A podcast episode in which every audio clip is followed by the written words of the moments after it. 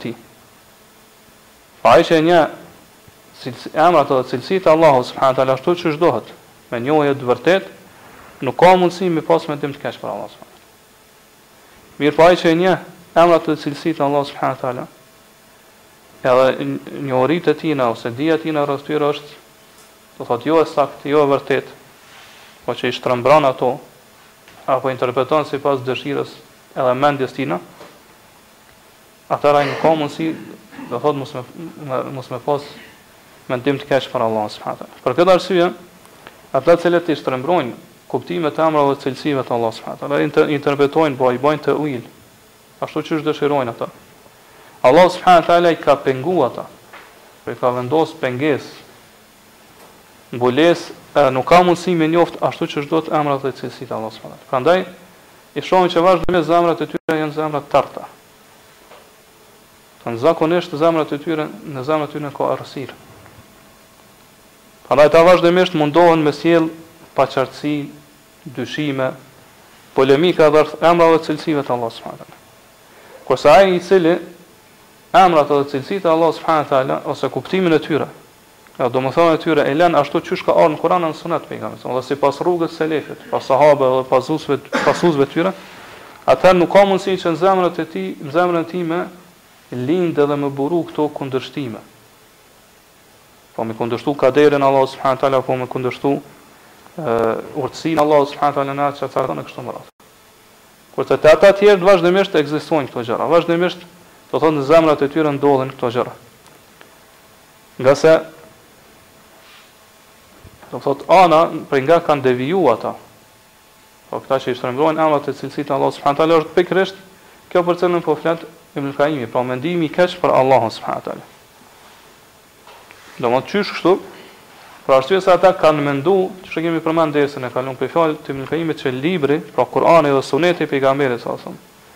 Thotë, Ajetet edhe hadithet që kanë folë rreth emrave dhe cilësive të Allahut subhanahu wa taala, kuptimi i tyre i jashtëm ose kuptimi i tyre i drejtpërdrejtë tregon për shëmbëllim, për përngjasim mes Krijuesit edhe krijesës. Prandaj ai ka thonë përderisa këto tekstet e Kuranit dhe Sunetit tregojnë për shëmbëllim mes Allahut edhe krijesave, atëherë ne duhet gjithçysh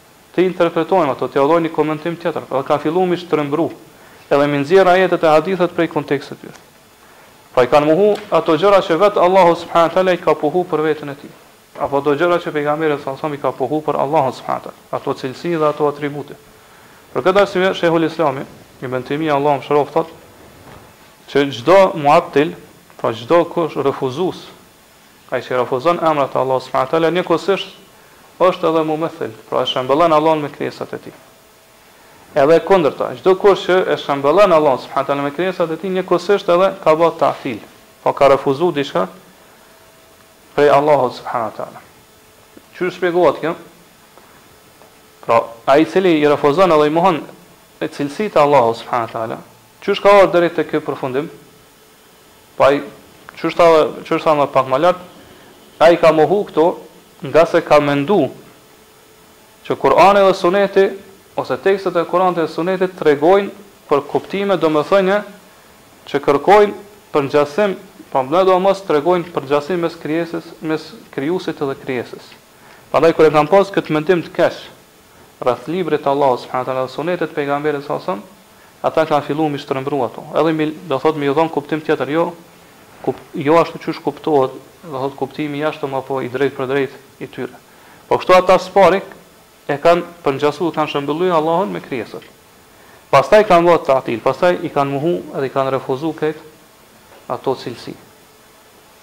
Pastaj kur ata i kanë mohu dhe i kanë refuzu cilësitë e Allahut subhane teala, pra prej frikës se mos po e përngjasojnë krijuesin me krijesat, prapë e kanë përngjasu Allahun subhane teala për herën e dytë me diçka tjetër.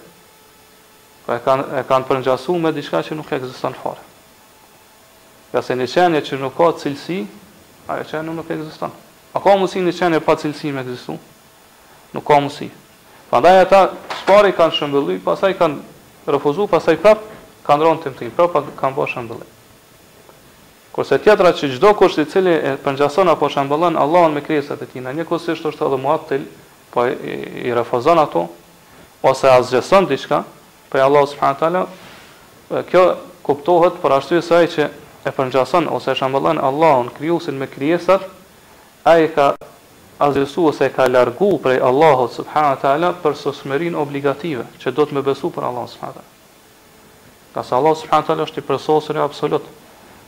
Po, ai kur e përngjason me krijesën, atëherë ka përngjasu me një krijesë që është e mangët nga çdo aspekt. Kurse Allahu subhane wa ta'ala është i plotë në çdo aspekt, është i përkryer në çdo aspekt. Gjithashtu ky ka ba ta'til, pra i ka asgjësu edhe i ka refuzu gjitha ato tekste në Kur'an edhe Sunet që tregojnë se nuk ka krahasim edhe nuk ka barazim edhe shëmbëllim mes krijuesit edhe krijesës. Prandaj në bazë këtyre fjalëve të Ibn Kajimit Allahu e mëshiroftë e kuptojna se ai që njeh mirë ashtu qysh duhet, po me rrugën e drejtë,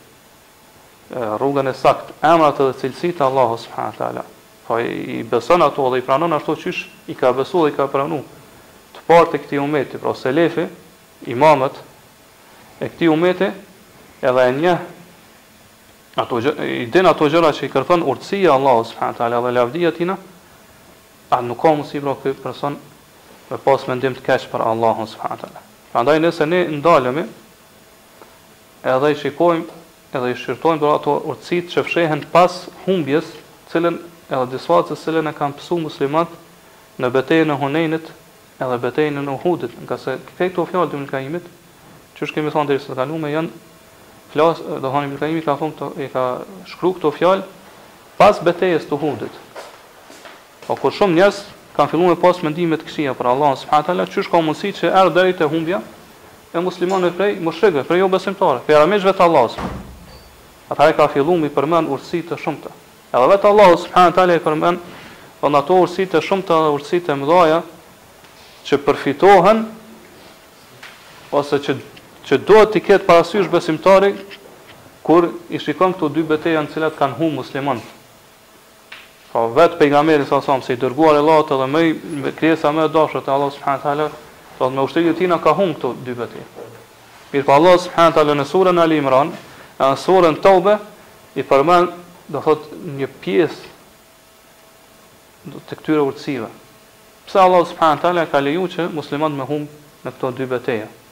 Andaj ai që i din edhe ka njohuri rreth këtyre urtësive nuk ka mundësi pra kurrsesi që me pas mendim të keq për Allahun subhane, pra me mendu që Allahu ka dëshiru që me poshtru ose me nënçmu Pejgamberin sallallahu alejhi wasallam edhe ushtrinë e tina.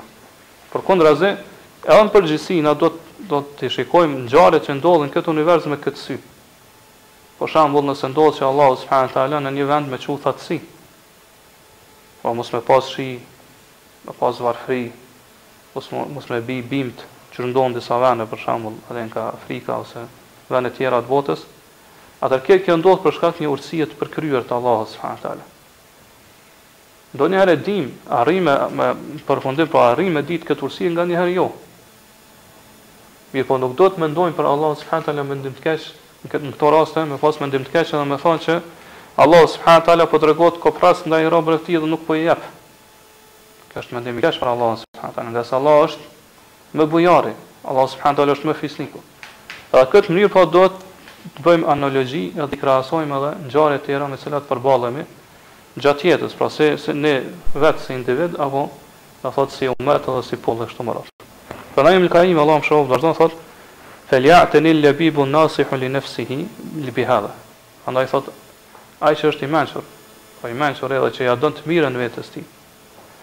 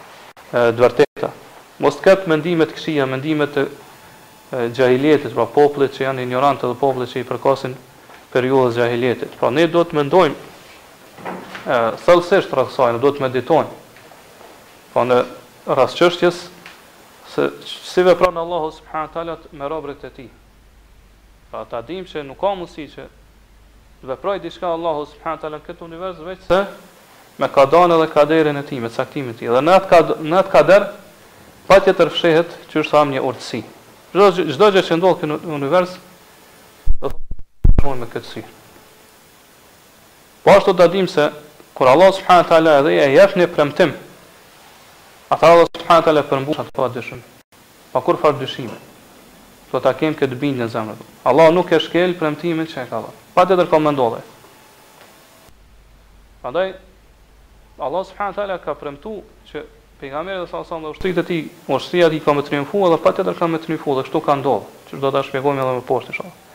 Pra njeriu duhet të meditojë gjithmonë në veten e tij kur përballet me këto ngjarje. Çka çka po thotë shpirti i tij, çka po thotë vetja e tij kur i kur i ndodh atij diçka që nuk e pëlqen. Apo kur i ndodh dikujt tjetër diçka që ky nuk e pëlqen apo ai tjetri nuk e pëlqen, diçka që e urren.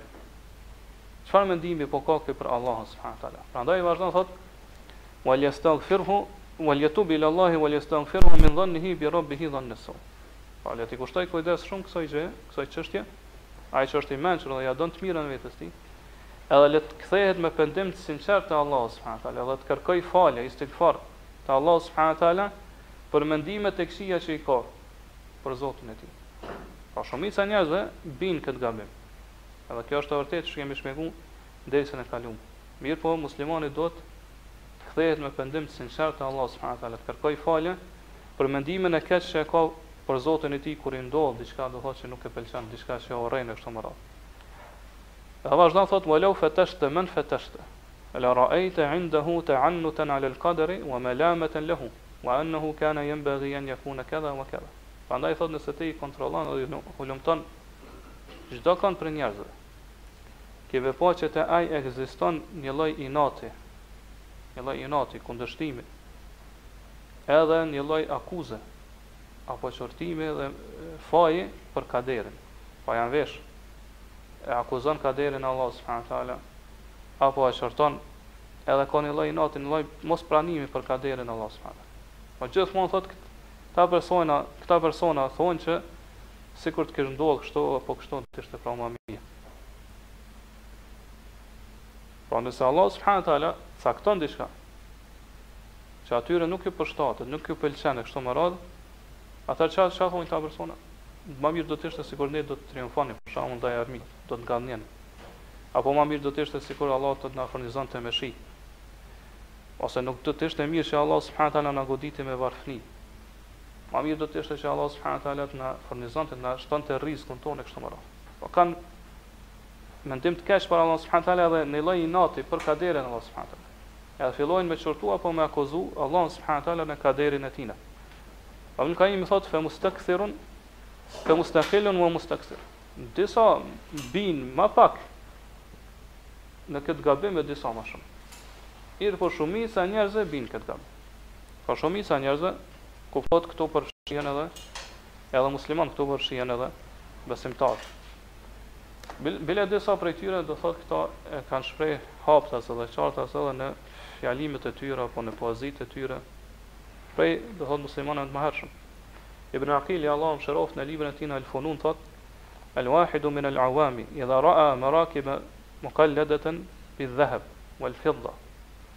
wa daran mushayyadatan mamlu'atan bil-khadami قال انظر إلى إطاعهم مع سوء إفعالهم ولا يزال يلعنهم ويضم معطيهم حتى يقول فلان يصلي الجماعات والجمع ولا يؤذي الذر ولا يأخذ ما ليس عنده ويؤدي الزكاة إذا كان له مال ويحج ويجاهد ولا ينال خلة بقلبه Thotë, ndodh ndonjëherë që dikush prej njerëzve, po prej njerëzve të rëndomtë, kur i sheh tjerë që Allahu subhanahu wa taala ju ka dhënë furnizim, sheh për shembull në atë kohë që ka pas kuaj të stolisur, thotë me ari dhe me argjend, ose e sheh pallatin e tyre, që është pallat do thotë pi pallateve më të mira, edhe i mbushur me shërbëtorë e me zbukurime kështu me radhë, Çfarë thotë kjo? Thotë shiko se si Allahu subhanahu wa taala po jep këtyre kaq shumë edhe pse këta kanë vepra të këqija. Këta po bëjnë mëkate kështu me radhë. Thotë dhe vazhdon mi mallku ata, madje thotë e nënçmon edhe ata që ja ka dhuru këto, pra Allahun subhanahu wa taala. Edhe në anën tjetër thotë filani po falet, i fal namazet me xhemat, po del e fal xhuman, nuk i bën keq as buburrecit, nuk e merr pasurinë e tjetrit padrejtësisht,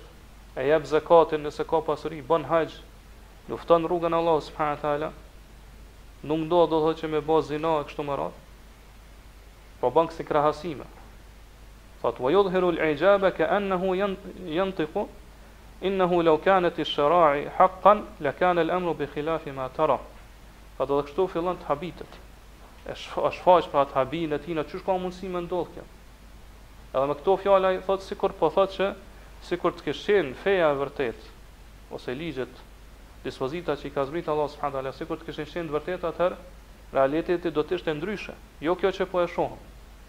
Wa kana salihu ghaniyan wal fasiqu faqiran. Thotë edhe sikur ai po thotë me këto fjalë ose me zemrën e tina që besimtari i mirë patjetër do të jetë i pasur.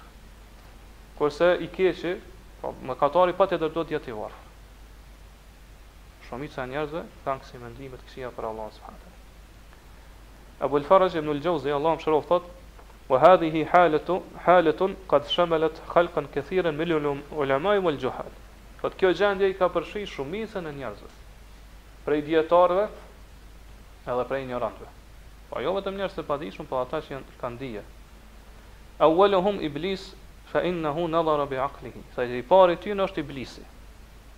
Po na e dina se si iblisi është tregu mendjemadh edhe e ka kundërshtu kaderin e Allahut subhanahu wa taala. E ka kundërshtu kaderin e Allahut nuk e ka pranu. Atë që e ka caktuar dhe ka ligjësuar Allahu subhanahu wa taala. Edhe dina pasaj se si ka rrjedh ngjarja.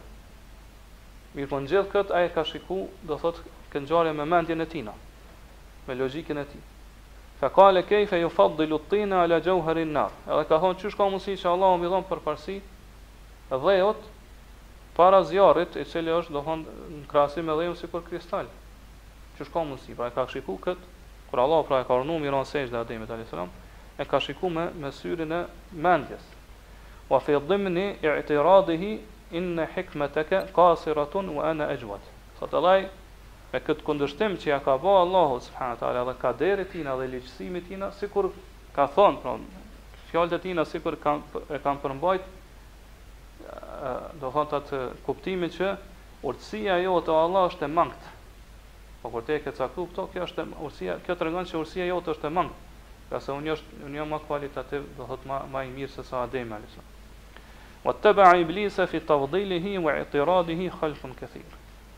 thotë edhe i do thotë një pjesë e madhe e krijesave njerëzve e ka ndjek do të iblisin në këtë kundërshtim tina që ja ka bë kaderit Allah subhanahu taala edhe do thotë në këtë përparësi apo favorizim që ja ka bë vetes ndaj tjerëve Shumica e njerëzve do thotë e shohin kaderin e Allahut subhanahu teala me këtë sy, që kemi me lexu inshallah më poshtë fjalët e Ibn Kajimit.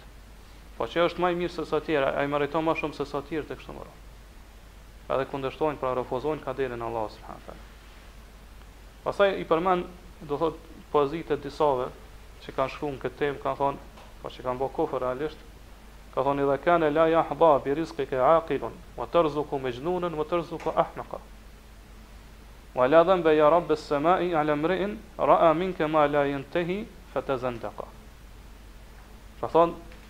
Nëse rrizkun tënd nuk e meriton edhe nuk e fiton ai që është i mençur, ai që ka mendje, kurse në anën tjetër thotë ti po e furnizon atë që është i çmendur ose që është ahmak, thotë atëherë nuk ka mëkat o Zot i qiellit ose i qiejve, një njeri i cili kur i sheh këto vepra prej teje bëhet zindik, pra e lën fenë e Allahut subhanahu wa taala. Kështu ju ka drejtuar Allahut subhanahu wa taala me këtë me këto fjalë të kufrit.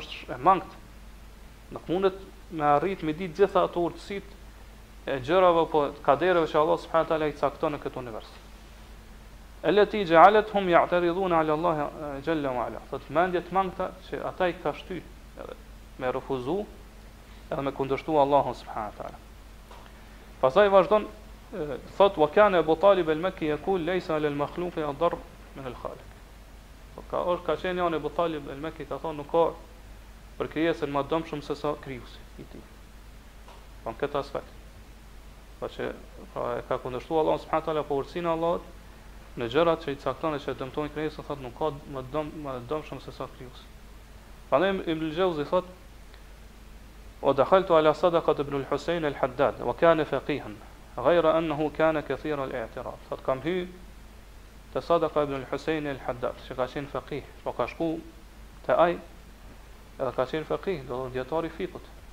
Mirëpo thotë e ka kundërshtuar shumë kaderin e Allahut subhanahu wa taala. Thotë edhe një kohë e ka është është sprovuar me zhug, me zgjim. Edhe ka thonë nuk nuk dohet kjo me më godit mu kjo sprovë. Është dashur me godit tjetrin, jo mu. Thotë që kam fikh dhe dije rreth fesë. Gjithashtu thotë i kam kam has disa prej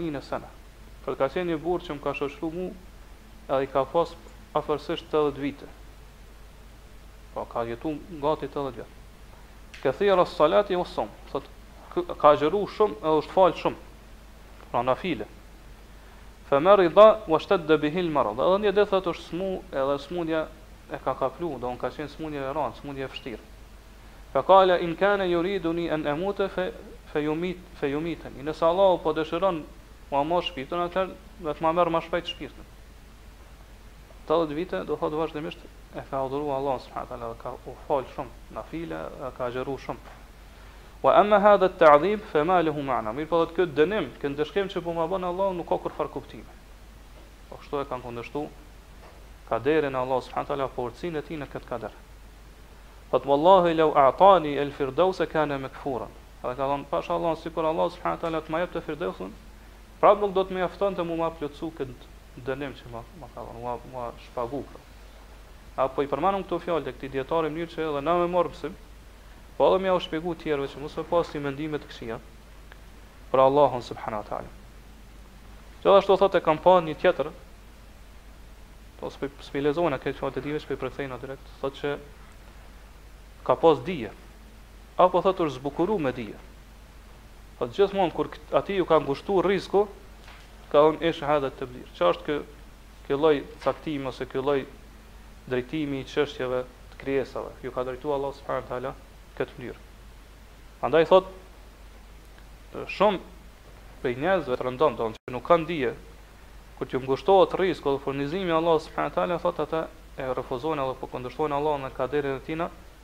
Bile ka prej tyne që thonë ma nuk fal namaz kësaj kohe. E len edhe namazin. Ose kur e shohin thotë një besimtar të mirë që po po lëndohet prej diçkave, thonë ai nuk e meriton këtë. Nuk e meriton që mu dënu kështu. Këto fjalë hasëm edhe do thonë te populli jonë shumë. Po, një, po, një, një njeri ndoshta edhe nuk falet, po është ka qenë i mirë me tjerë, thot, ai se meriton në këtë gjendje, ose se ka meritu, do thot, mu, mu godit me këtë sprovë, e kështu me radhë. Po kështu e akuzojnë kaderin e Allahut subhanahu teala. Pastaj thotë e kemi pa disa prej njerëzve të kohës tonë që do thotë në pamjen e tyre së jashtme kanë qenë fetar. Mirëpo, thotë gjatë kohës tonë ka ndodhur që të këqit zullumqart me triumfu ndaj tjerëve, me u bo zullum tjerëve, me pas pushtet të zullumqart.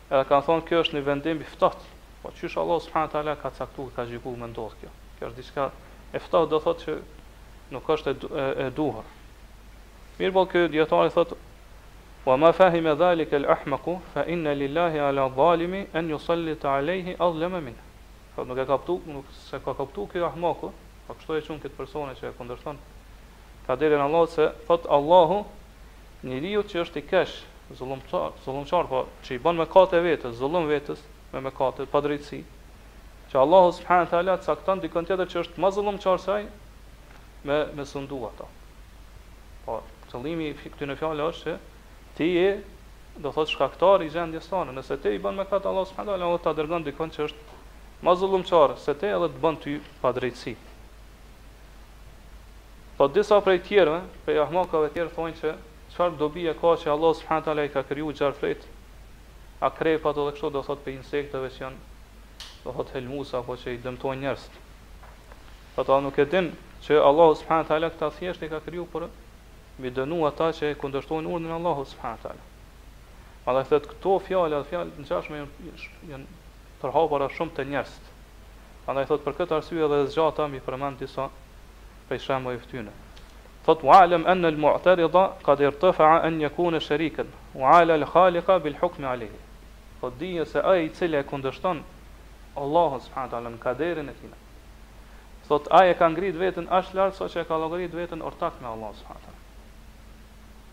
Ngase ky thot po po e ngrit veten më lart se sa krijuesi duke gjyku për krijuesin.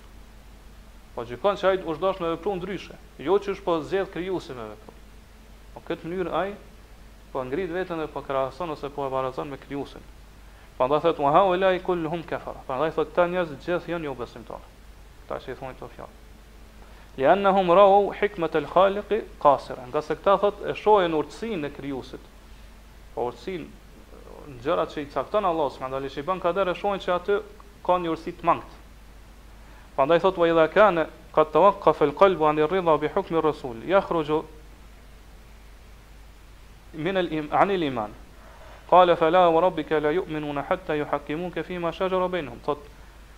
Përderisa vetë Allahu subhanahu wa taala ka gjyku që nëse zemra nuk e pranon gjykimin e Pejgamberit sallallahu alaihi wasallam, po e sheh me me dyshje, me dyshim, edhe nuk është i kënaqur me gjykimin e Pejgamberit sallallahu alaihi wasallam, Allahu vetë ka gjyku që kjo zemër ka bë kufër, edhe ka dalë prej imanit. Pra e ka thënë Allahu subhanahu wa taala në surën Nisa, në ajetin 65. Jo, pasha Zotin tënd, ata nuk kanë besu derisa ty të marrin si gjykatës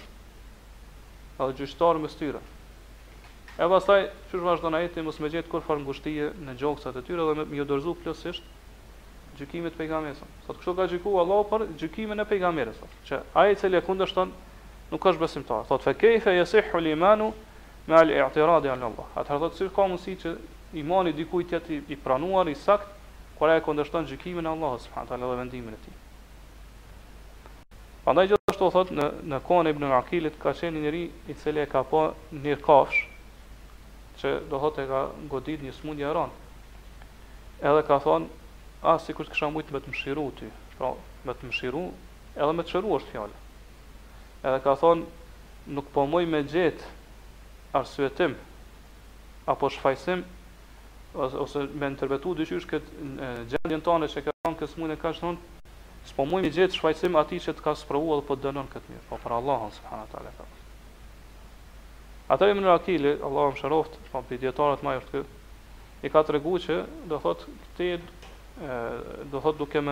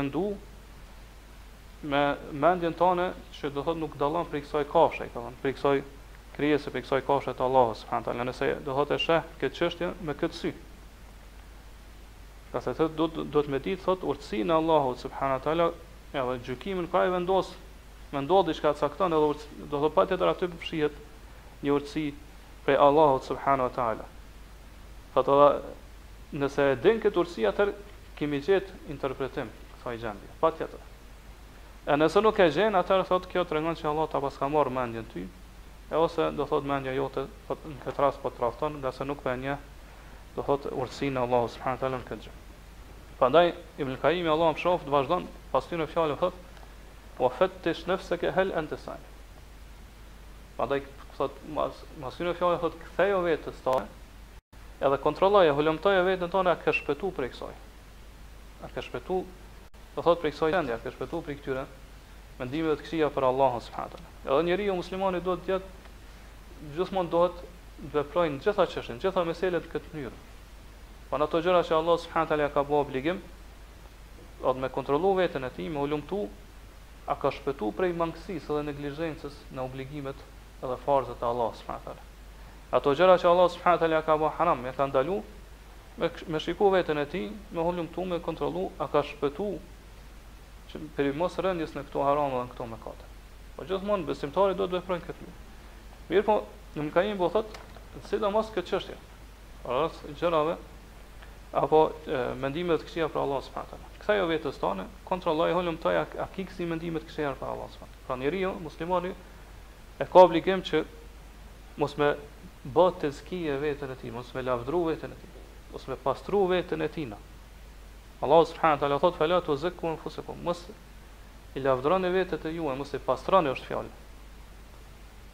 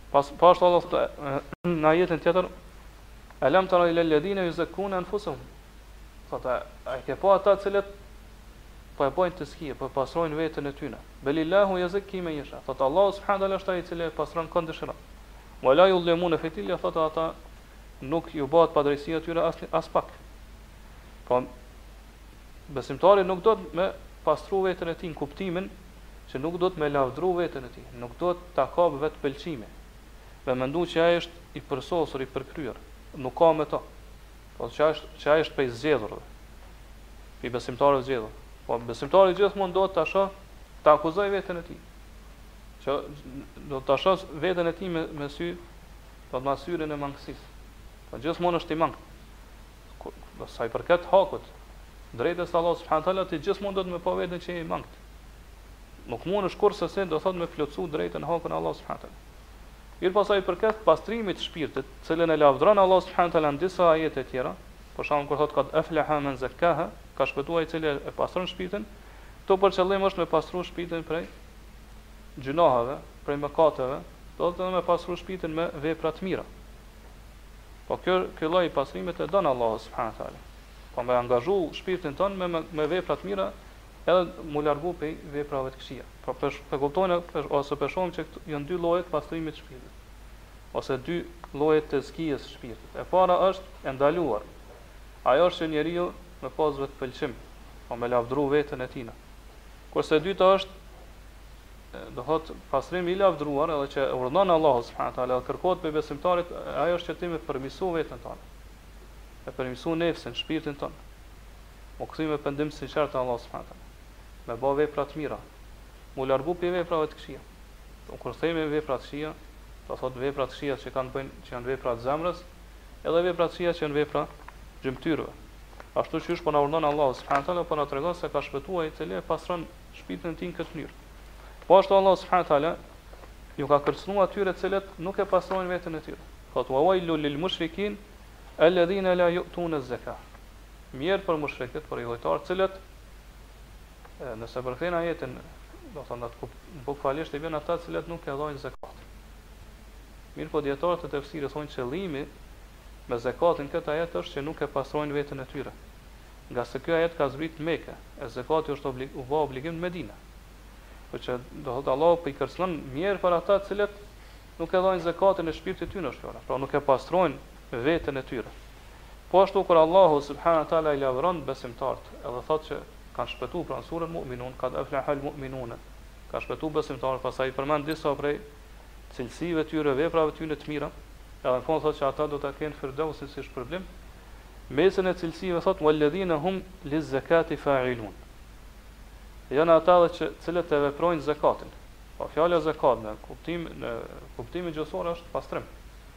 Po qëllimi e dhajnë zakatin, prapë këta dietarë të tafsirit kanë thonë që me qëllim është që e pastrojnë, pra dhojnë zakatin e nefsit, shpirtit tyre, pra pastrojnë veten e tyre, shpirtin, shpirtin e tyre. Ngase edhe ky ajet është që ka zbrit në Mekë. Po kështu, Allahu subhanahu ta'ala po na urdhënon që me ba me bë tezkije nefsin ton, me pastru shpirtin ton me vepra të mira. Kjo është një gjë që kërkohet edhe na urdhënon Allahu subhanahu ta'ala. Prandaj Ibn Qayyim po thotë fefettish nefseke hel ente salim. Hulumtoje veten tënde, kontrolloje a ke shpëtuar ti prej këtyre mendimeve të këqija. Pra, mos u angazho ti me të metat edhe gabimet e tjerëve, edhe me harru veten. Mirëpo së pari kthejo vetes tënde. Edhe shiko a ke shpëtuar prej këtij inati ndaj kaderit të Allahut subhanahu wa taala. A ke kësi lloj inati me në raport me kaderin e Allahut subhanahu wa taala? A e qorton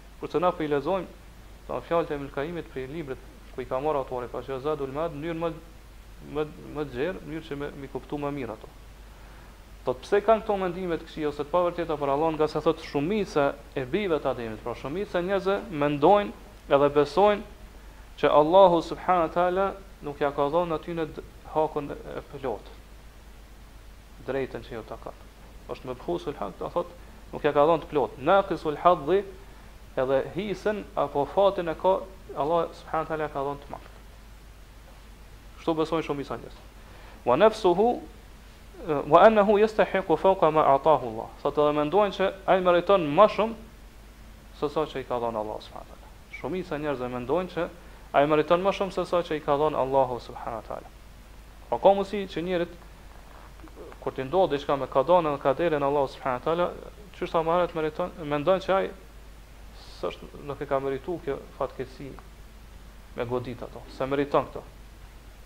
Apo mendon se ajo më mirë do të ishte me godit dikon tjetër, jo këto. O s'do ish me godit tjetër. Jo këto personalisht. Po që është ai që e, e, e shikon kaderin dhe kadanë e Allahut subhanahu taala caktimin e tij me, me syrin e akuzës. E vazhdon thot Ibn Kaimi wa lisanu halihi yaqul.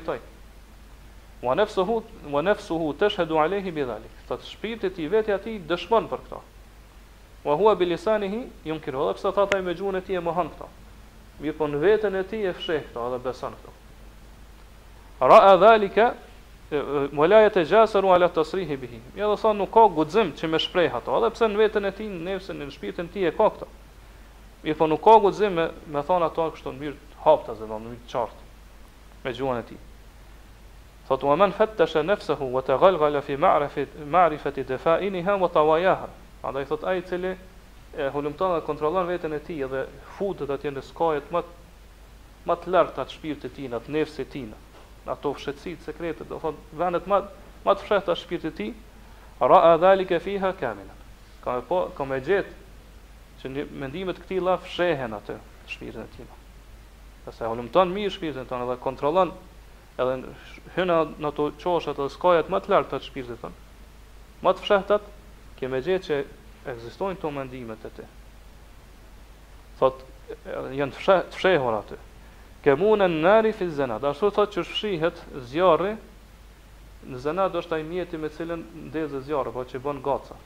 Po kur të goditet, ai qet gacat edhe nxjerr nxjerr zjarrin. Prandaj thotë faqdah zinada men shi'te yunabbi'uke shiraruha amma fi zinadi. Prandaj thotë godite qëtë mjetin me të cilin ndezet zjarri te kushdo prej njerëzve, pra qëllimi është, pra qysh thamë ajo te shpirtin e tij, gacat që i nxjerr ky zjarri i tina thotë tregojnë ty dhe të njoftojnë se çka po mshef ai brenda tina. Prandaj Shumë pak prej njerëzve janë ata të cilët shpëtojnë edhe me të mbrendshmën edhe me të jashtmen e tyre prej këtyre mendimeve të këqija. Po ka prej njerëzve që shpëtojnë me të jashtmen e tyre, po me gjuhë nuk i thonë, nuk e thonë ato. Mirëpo me brenda tina ekziston kjo. Brenda shpirtit të tina çysh çysh po thotë Ibn Kaimi, e shohim që ai ka kësi mendime të këqija, mendime të xhahiljetit për Allahun subhane teala. Për këtë arsye ajetin e parë që autori e ka sjellë në këtë temë thotë,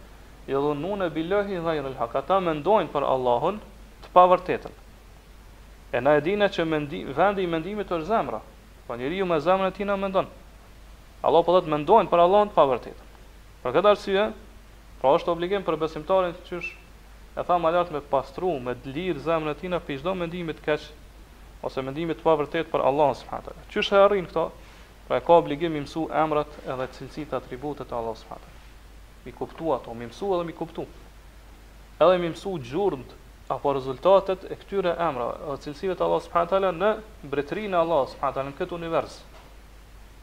Kur t'i mëson këto mirë atëherë nuk ka mundësi që në zemrën e tina do thot me pas ndonjë mendim të pavërtet për Allah subhanahu. Patjetër do thot ai në zemrën e tina ka me ditë se Allah subhanahu teala është i vërtetë,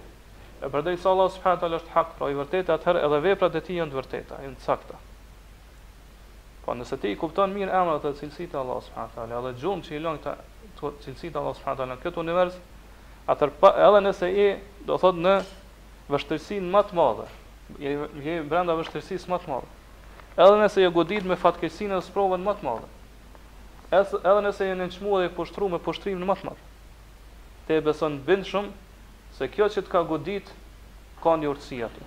Fshehet një urtësi e përkryer e Allahut subhanahu wa taala. Për arsye se Allahu subhanahu wa taala i takon sundimi i plotë. Allahu subhanahu wa taala i takon urtësia e plotë e përkryer. Edhe e, e, pra beson bindshëm që Allahu subhanahu wa taala vepron te krijesat e tij ashtu siç dëshiron ai, sipas vullnetit të tij. Po kemi arrit gjithashtu në përfundim që robët, po njerëzit edhe krijesat e Allahu subhanahu wa taala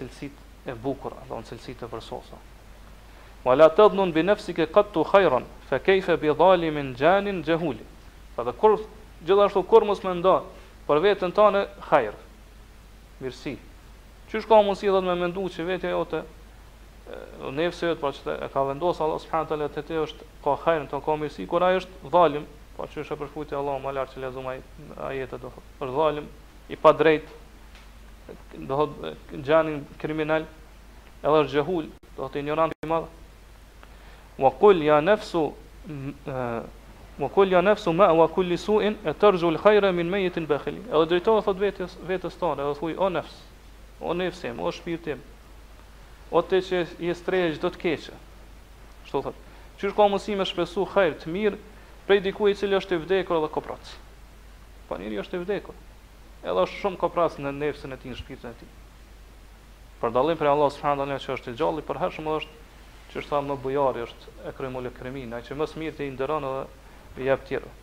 Prandaj thot wa dhunna bi nafsika su'a tajiduha wa satajidha kadaka wa khayruha kal mustahili. Po nëse mendon për veten tënde të keqe, ashtu ke me gjet.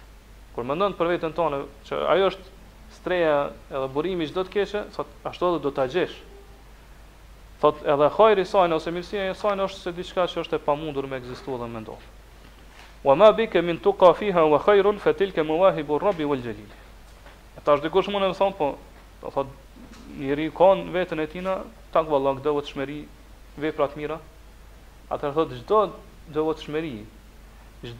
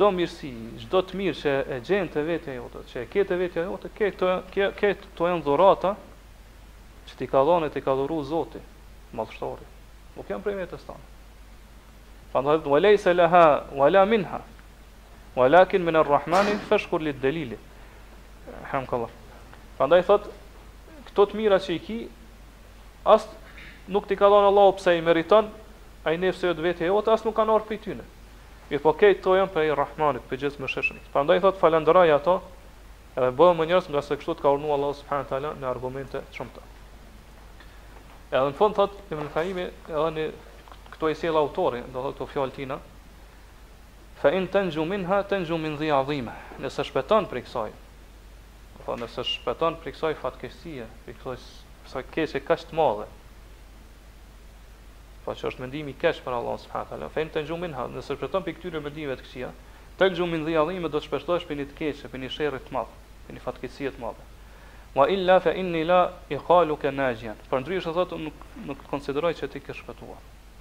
Nëse nuk ke shpëtuar prej këtyre mendimeve të këqija për Allahun subhanahu wa taala, atëherë nuk mendoj që ti do thotë do të jesh i shpëtuar te Allahu subhanahu wa taala. Pra po e shohim që kjo temë vërtet në realitet është temë shumë madhështore. Është temë do thotë që ka kuptim shumë të thellë dhe duhet t'i kushtojmë kujdes.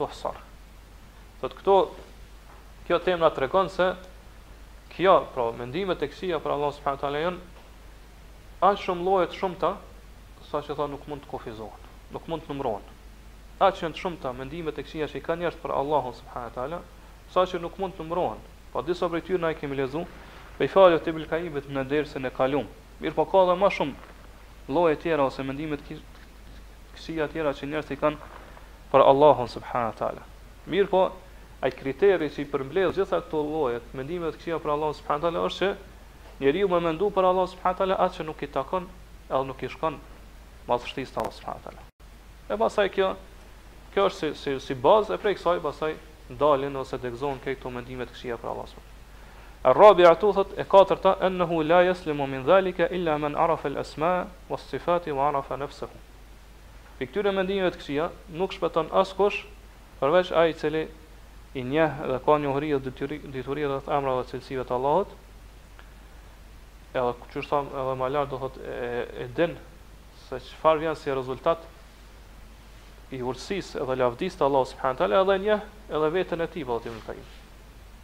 Po e njeh veten e tij, qysh thamë e hulumton, e kontrollon, e shikon se do thotë ku ka gabu ose a ka vërtet kësi mendime të këqija për Allahun subhane teala e kështu me radhë. Edhe qysh thamë do thotë në realitet njeriu është vendi i mangësisë, njeriu është vendi i të keqes, njeriu është vendi po nefsi i tij është vendi për të cilin duhet me mendu keq edhe me mendu atë mangësinë edhe cenin. Kurse sa i përket Allahut subhane teala ai është do thotë i përkryeri absolut, nuk ka mundësi që atë do thotë me përfshi ndonjë e keqe apo mangësi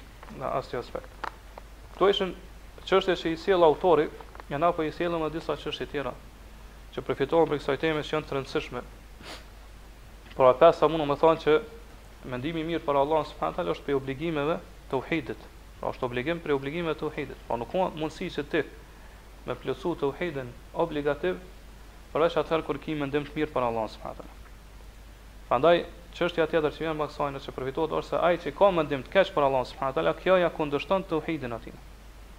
Apo ia kundërshton plotësueshmërinë e tauhidit. Po, ia kundërshton tauhidin në thelb, në origjinë, nëse mendimet e këqija për Allahun subhanahu wa ta'ala janë të shumta. Po shkojnë vazhdimisht duke u shtu, edhe janë të vazhdueshme. Atëherë ia kundërshton tauhidin në thelb. Kurse ja kundërshton ose ja mohon plotësueshmërinë e tauhidit, nëse kjo është diçka, do thotë mendim i keq për Allahun subhanahu wa taala, mirëpo nuk ndodh shpesh. Po thjesht është si mendim që të kalon nëpër kokë, apo do thotë kur njeriu nuk fol me gjuhën e tij, thjesht do thotë mbetet në në mendimin e tij ose në zemrën e tij, është diçka e lehtë pra.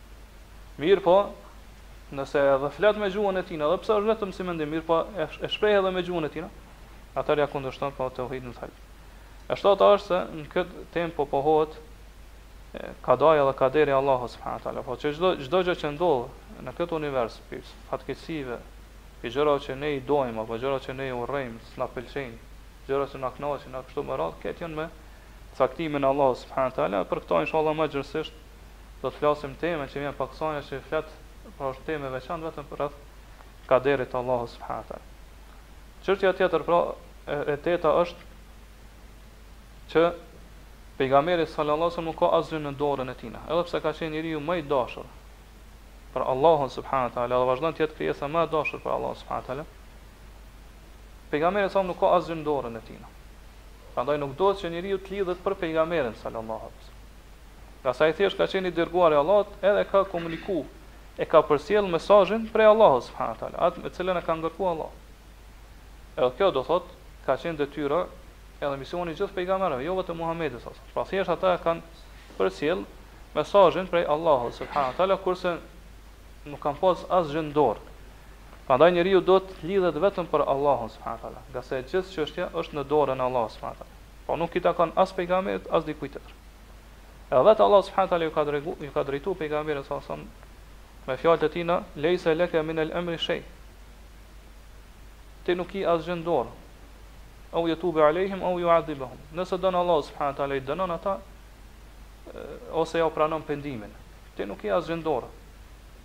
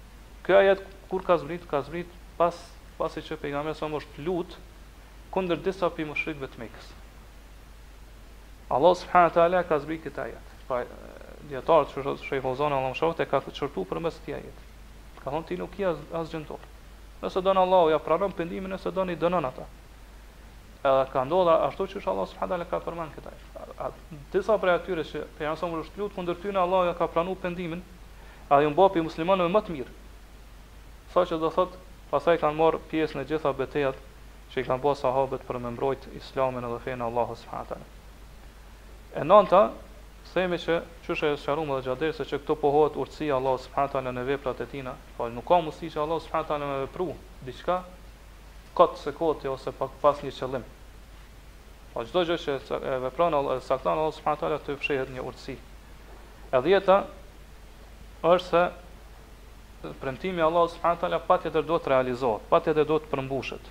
Allahu subhanahu wa taala kurrë nuk e shkel edhe nuk e then premtimin që e ka dhënë. Prandaj Allahu subhanahu wa taala ka ka dhënë premtim që ka me ngadhnjy këtë fe. Do thotë ka me bë që kjo fe me triumfu ndaj gjitha feve tjera. Edhe realiteti kështu ka ndodhur. Prandaj ne e dinë që feja islame do vetëm 100 vjet pas vdekjes pejgamberit sa sa më është përhap në lindje dhe në perëndim. as një shekull, do thotë shekulli plot është përhap prej lindjes në perëndim, pa po prej Kinës atje, prej vendeve të Azisë lart e deri dhe në Endelus. Po nuk ka mbet vend ku hyn nata e dita veç se është përhap feja e Allahut subhanahu taala ashtu ashtu siç na ka premtu pejgamberi sa sa në në hadithet e tina. Gjithashtu do thotë ka feja islame ka depërtu edhe në vendet ose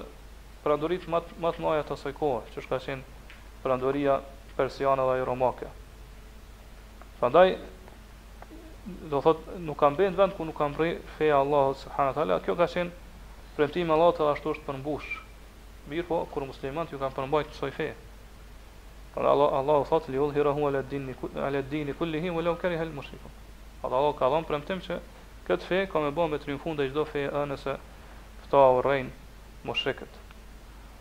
Mirëpo, do thotë feja e Allahut subhanahu teala nuk ka përfundu qysh kanë menu munafikët edhe jobesimtarët me betejën e Uhudit. Po kanë pas atë mendimin e keq që pas asaj beteje do të zhduket edhe do të shfaroset pejgamberi sa sa dhe feja me cilën ka ardhur. Përkundrazi ashtu siç i ka premtuar Allahu është përhap në pjesën më të madhe të botës.